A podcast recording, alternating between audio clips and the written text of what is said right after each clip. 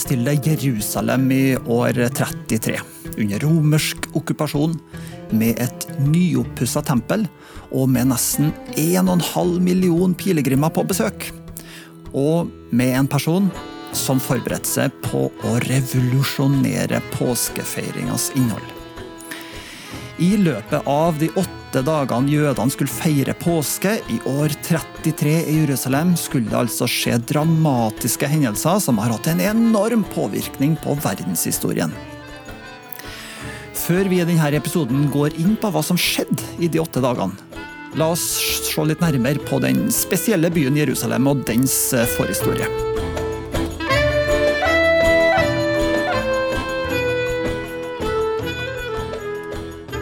Jerusalem var ikke størst i antall innbyggere i Romerriket, men den var likevel opphøyd, spesiell og myteomspunnet. Litt sånn som Roma for katolikkene, Mekka for muslimene, Las Vegas for gamblerne, eller Anfield Road for Liverpool-supportere, for den saks skyld. Jødene var en relativt synlig folkegruppe i Romerriket, og var spredd over hele middelhavsområdet. De hadde fått et særskilt unntak fra bestemmelsen om å dyrke den romerske keiseren. I Jerusalem hadde i århundrer stått et tempel som var sentrum for den jødiske gudsdyrkelsen. Det første tempelet det ble revet når babylonerne inntok byen i år 586 før Kristus. Oppholdet i eksil i Babylon eh, hadde gjort jødene ekstra oppmerksom på sin egen identitet og særstilling som Guds utvalgte folk. Så når jødene vendte tilbake til landet, så bygde de opp igjen et nytt tempel. Alexander den stores felttog i Midtøsten brakte gresk kultur og tenking dit, noe som gjorde jødene enda mer opptatt av å beskytte sin religiøse egenart og tradisjoner. Heleniseringa bidro til å framprovosere makaberkrigene, hvor jødene ble frigjort fra de gresk-syriske herskerne. Men den romerske keiseren Julius Cæsar inntok Judea, Samaria og Galilea og innsatte Herodes den store som lydkonge i Judea i år 37 før Kristus. Og nettopp denne kong Herodes han igangsatte rekonstruksjon av tempelet i år 20 før Kristus. Sånn at tempelet ble større og mer imponerende etter datidens eh, standarder. Utvidelsen og bygginga fortsetter også etter Jesu fødsel, eh, sjøl om eh, Herodes den store døde i år 4 før Kristus. Så når vi da nærmer oss denne påska i år 33, så var altså tempelet stort, nyoppussa, og på vei til å bli et mytisk valfartssted for jøder i hele middelhavsområdet. Den jødiske historikeren Josefus han anslo at med alle pilegrimene som dro til Jerusalem i påska, så steg folketallet til omkring to millioner mennesker. Og for å sette i sammenheng historikeren Tacitus anslo at folketallet var omkring 600 000 mennesker når den første jødisk-romerske krigen starta noen tiår senere, i år 66 etter Kristus. Det betyr at eh, når det var påskehøytid i år 33 i Jerusalem, så var folketallet antageligvis godt over fordobla. Okkupert folkeslag skulle altså feire sin største religiøse høytid, og både romerne og de jødiske lederne var fullt klar over de antiromerske og nasjonalistiske kreftene som fantes i befolkninga. Derfor marsjerte Pontius Pilatus med sine 3000 romerske soldater opp fra havnebyen Cesarea opp til Jerusalem for å holde orden under påskehøytida. Årsaken var åpenbar byen kun nærme seg kokepunktet.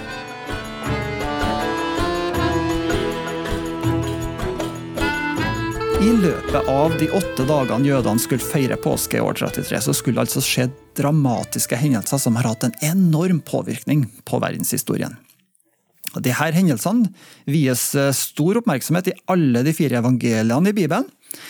Evangeliene de regnes jo som sammendrag av øyenvitneskildringer av apostlene eller andre mennesker som var i Jerusalem denne påska. Og I tillegg så kaster annen forskning og utenombibelske kilder lys over hendelsene. Så her følger en gjennomgang av det som skjedde de åtte dagene.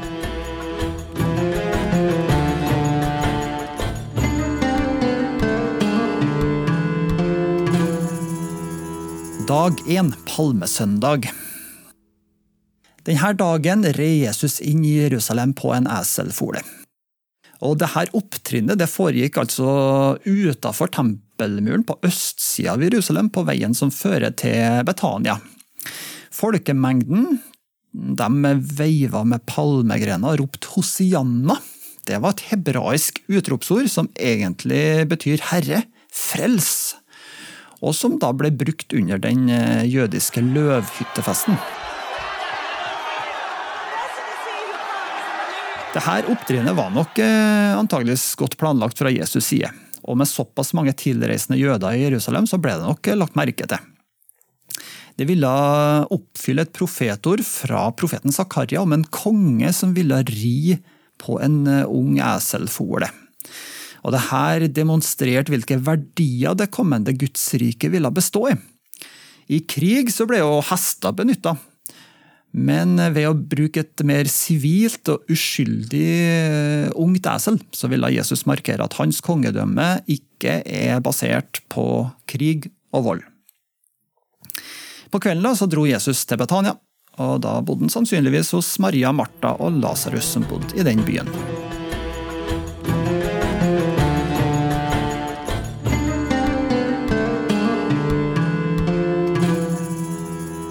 Dag to mandag Jesus river ned markedsbodene. Jesus hadde nok lagt merke til hvordan fattige jøder ble grovt utnytta av det vi kan kalle tempelindustrien, altså den handelen som var bygd opp rundt tempelet i Jerusalem. Tempelet var jo den desidert største bygningen i byen, og jøder fra hele middelhavsområdet valfarta til Jerusalem når den største jødiske høytida skulle feires. Og Der solgte de altså spesielle tempelmynter for å kunne betale tempelskatten. Og spesielle dyr som kunne brukes til tempelofringene. Og de her utsalgsbodene, det var dem som Jesus reiv ned. Og han ropte 'Mitt hus skal kalles et bønnens hus'. Denne protestaksjonen fra Jesus var derfor en slags gjenopprettelse til den opprinnelige tanken med tempelet. Evangeliene avtegner jo et bilde av at Jesus var veldig opptatt av å holde de gammeltestamentlige forordningene, og at han var en helhjerta jøde. Men denne aksjonen den var nok antageligvis veldig upopulær blant de religiøse lederne i Jerusalem. Spesielt når det skjedde i påska, med alle tilreisende i byen. De her dagene da, Fram til langfredag så overnatta Jesus trolig hos Martha og Maria og Lasarus i Betania. Og det var jo da en liten landsby som ligger eh, tre kilometer øst for Jerusalem. Og i dag heter for øvrig denne byen Al-Eisaria.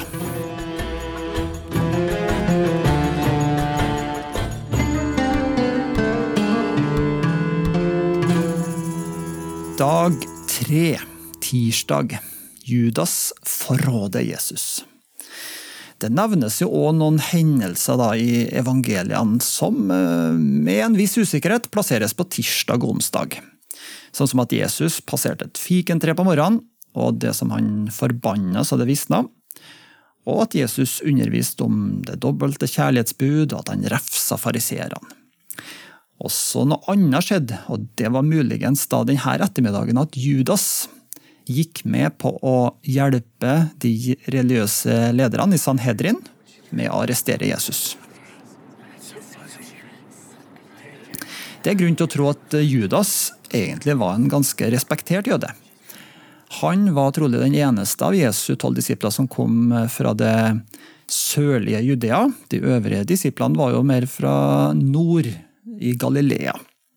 Judas hadde jo ansvaret for økonomien for Jesus, og var derfor en betrodd eh, medarbeider. Så Mest sannsynlig så fikk jo Judas da de 30 sølvpengene fra inntektene av den samme tempelskatten da, som Jesus konfronterte dagen etter palmesøndag.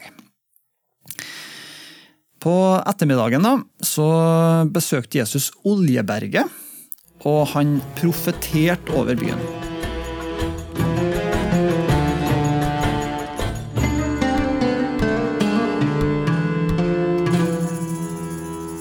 Dag fire, onsdag. Kvinnen med alabastkrukken.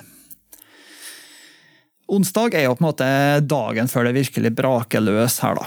Eh, og I Jerusalem så foregår jo forberedelsene til oppstarten av den store jødiske påskefeiringa. Jesus og disiplene besøkte muligens Simon den spedalske i Betania den dagen. og Der fortelles det om da ei kvinne som knuste en hvit alabastkrukke med en veldig kostbar salve, og salva Jesus før gravferden sin.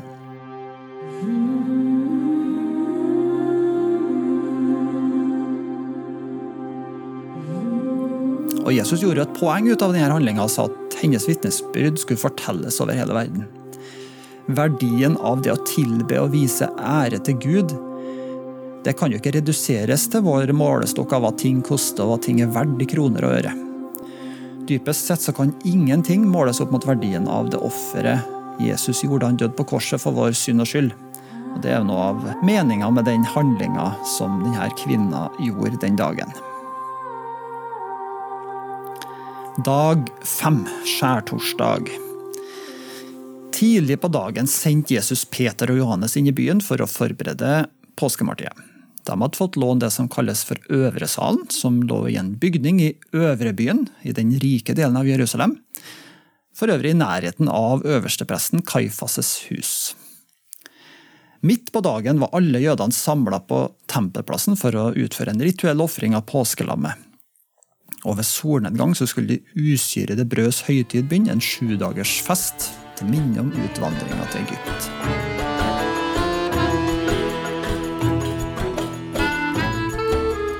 Jesus spiste det tradisjonsrike jødiske påskemåltidet sammen med disiplene. Måltidet ble innledet av at Jesus vaska disiplene sine føtter. Dette var jo en oppgave forbeholdt de lavest ansette tjenerne i huset. Disiplene ble veldig overraska over at Jesus tok denne oppgaven sjøl, men senere forsto de hva han ville demonstrere gjennom det her. Det tradisjonsrike påskemåltidet fulgte et fast rituale. De gjenfortalte historien om hvordan Moses og israelittene forlot Egypt. De drakk utvanna vin, spiste påskelammet, brød uten surdeig, sammen med bitre urter, og de sang flere lovsanger fra Salmenes bok. Underveis i måltidet forandra Jesus på det jødiske ritualet, trolig til disiplenes store forundring. Jesus endra det ved å si at brødet var hans kropp, og at vinen var hans blod. Og Sånn her innstifta han den kristne nattverden, som alle kristne har feira siden den dagen.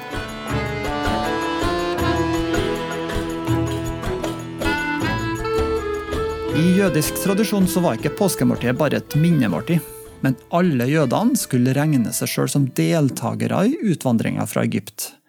På samme måte er ikke den kristne nattverden bare et minnemåltid, men alle skal regne seg som integrerte deltakere i Jesu død og oppstandelse. Underveis i måltidet så forlot Judas øvresalen og oppsøkte de religiøse lederne igjen. Så når påskemåltidet var over, så dro Jesus og disiplene til Getsemane rett utenfor Jerusalem. Der står det at Jesus ba inderlig mens disiplene ble trøtt og sovna.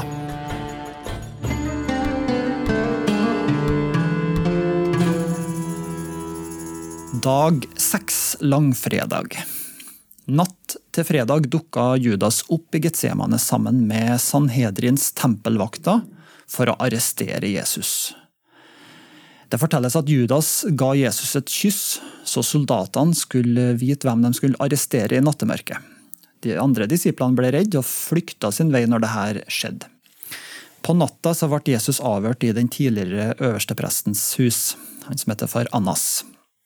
Og Deretter så ble han frakta over til Kaifases bolig, som for øvrig var rett ved Øvresalen. Under avhøret så ble Jesus umiddelbart fordømt for blasfemi når han siterte Salme 110 og Daniels bok kapittel 7. Øverstepresten han reiv i stykker skjorten sin for å demonstrere det uopprettelige paktsbruddet som blasfemien utgjorde. Peter han var en av disiplene som holdt seg i bakgrunnen. Han nekta på at han kjente Jesus, men når hanen gol for tredje gang den morgenen, så huska han at Jesus hadde forutsagt denne fornektelsen. Sanhedrinrådet bestemte seg for å føre Jesus fram for Pontius Pilatus på fredag morgen, siden han som romersk guvernør hadde fullmakt til å dømme mennesker til døden. Først sendte Pilatus Jesus videre til sønnen til Herodes den store, nemlig Herodes Antipas. Og Det var fordi at Jesus opprinnelig var fra Galilea, hvor Herodes Antipas var landsfyrste. Men denne Herodes Antipas han sendte Jesus tilbake til Pilatus igjen, som angivelig etter press fra folkemengden hadde dømt Jesus til døden. Evangeliene forteller at Pilatus i stedet løslot en eh, mann ved navnet Jesus Barabbas. Han var dømt for drap, trolig i forbindelse med de antiromerske opptøyene som stadig blussa opp. Og Barabbas er interessant. Bar Abbas betyr egentlig sønn av sin far, og er trolig et tilnavn han fikk for å understreke den åndelige betydninga av at Jesus ble dømt til døden. For mens Jesus ble dømt til døden, så ble vi alle, som Adams etterkommere, eller sønn av vår far. Vi ble frikjent for den dommen som vi egentlig skulle hatt. Etter Pilatus' domfellelse ble Jesus torturert og piska. Den pisken som de romerske torturistene brukte, hadde tre remmer, hvor det var små blymanualer og beinsplinter knytta inn i endene.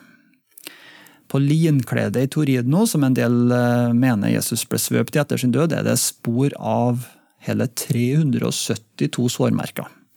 Så hvis dette stemmer, da, så betyr det at Jesus trolig ble piska langt flere ganger enn de 40 40 piskeslagene som Moseloven maksimalt tillot. Deretter bar Jesus sitt eget kors langs gata som kalles Via Dolorosa, til et sted som kalles Golgata, eller Hodeskallen. Og Delvis eh, fikk han hjelp av en som het for Simon fra Kyrene i Nord-Afrika. Golgata lå rett utenfor bymuren, ikke langt fra Herodes' palass. Korsfestelse det var en brutal og spektakulær dødsstraff som egentlig var forbeholdt opprørere, som foregikk i all offentlighet. Ved at Pilatus valgte å korsfeste Jesus, så ble Jesus stempla som en opprører. Samtidig så ble ikke hans følgerskare korsfesta, så Pilatus anså neppe Jesus som en stor politisk trussel. Men siden dette foregikk midt under den største jødiske høytida, var det uansett en gyllen anledning for å markere overfor den store folkemengden at romerne ville slå ned på enhver tendens til opprør og jødisk eh, selvstendighetskamp. Men i lys av de gammeltestamentlige profetiene om Messias, så skjedde jo egentlig det stikk motsatte av det Pilatus eh, trodde. Skriftene profeterte jo at Messias måtte lide og dø, sånn som såkornet må falle i jorda for å vokse. Pilatus ante jo ingenting om at denne hendelsen ble selve frøet til at kristendommen etter hvert ble den største og dominerende religionen i hele Romerriket, og senere bredt seg utover hele verden. Men tilbake til Golgata. Der ble altså Jesus og to andre korsfesta ved siden av hverandre. og Dette foregikk altså rundt klokka ni på fredag morgen. Ved den sjette time, altså klokka tolv, ble det mørkt i tre timer, ifølge evangelisten Lukas. Dette var ikke snakk om en vanlig solformørkelse, sjøl om det er mørkt. Ifølge beregninger foretatt av britiske astrofysikere, så sammenfalt altså Jesu død da med en massiv sandstorm og måneformørkelse. Ifølge beregninger de har gjort, så skjedde altså dette på en eh, fredag. 3. april i år 33. Altså samtidig som jødene feira påske. Jesus hang på korset til ca. klokka tre denne ettermiddagen når han døde. At eh, dette tidspunktet angis i evangeliene, har en betydning. For tidspunktet for døden det sammenfalt samtidig som det andre daglige tamidlammet ble ofra i det jødiske tempelet. Dette var jo et daglig offer for å symbolisere menneskenes synd og gjenopprettelse av fellesskapet med Gud. Så når Jesus sa 'det er fullbrakt' rett før han utånda død, så var det for å understreke at hans soningsdød var det fullkomne offeret. Eller for å si det annerledes, Jesus var egentlig altså det tamidlammet som Moseloven har pekt fram mot og snakka om hele tida. Før solnedgangen og begynnelsen av sabbaten ble Jesu kropp tatt ned fra korset og lagt i en grav som tilhørte Josef fra Arimathea, med hjelp fra Nikodemus, som vi kanskje kjenner fra Johannes-evangeliet. Evangelisten Johannes skriver at Nikodemus hadde med seg en blanding av myrra og aloe, omkring 100 pund. Eh, denne blandinga var egentlig en krydderblanding for å hindre lukt fra liket de dagene en kunne gå til grava på besøk. 100 pund det tilsvarer ca. 33 kilo, så mm, Jesus fikk egentlig en veldig høyverdig begravelse på linje med jødiske øversteprester f.eks.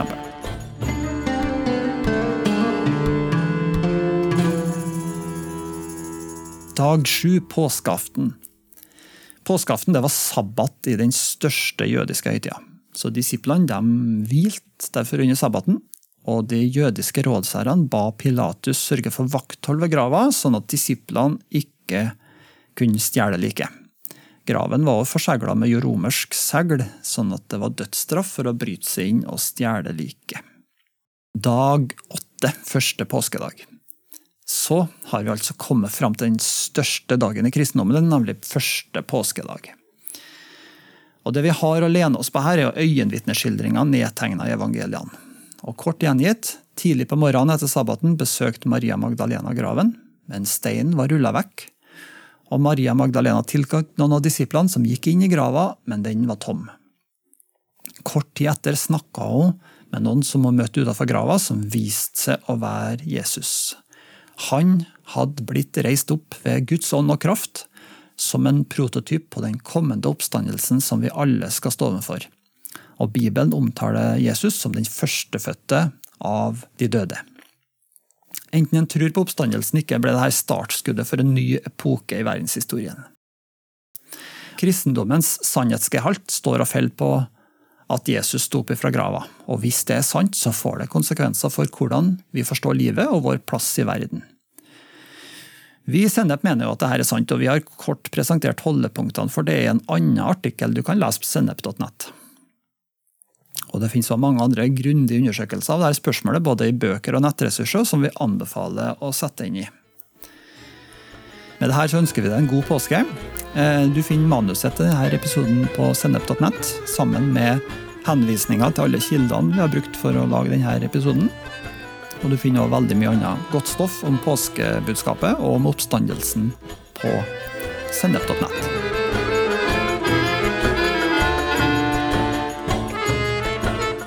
Du har nå hørt en episode fra Bibelkvarteret på sennep.nett. Du vil også finne mer stoff på sennep.nett som gir deg inspirasjon til å følge Jesus i hverdagen. Innholdet på Sennep er gratis og tilgjengelig for alle, takket være økonomisk støtte fra kristent nettverk, menigheter og enkeltpersoner.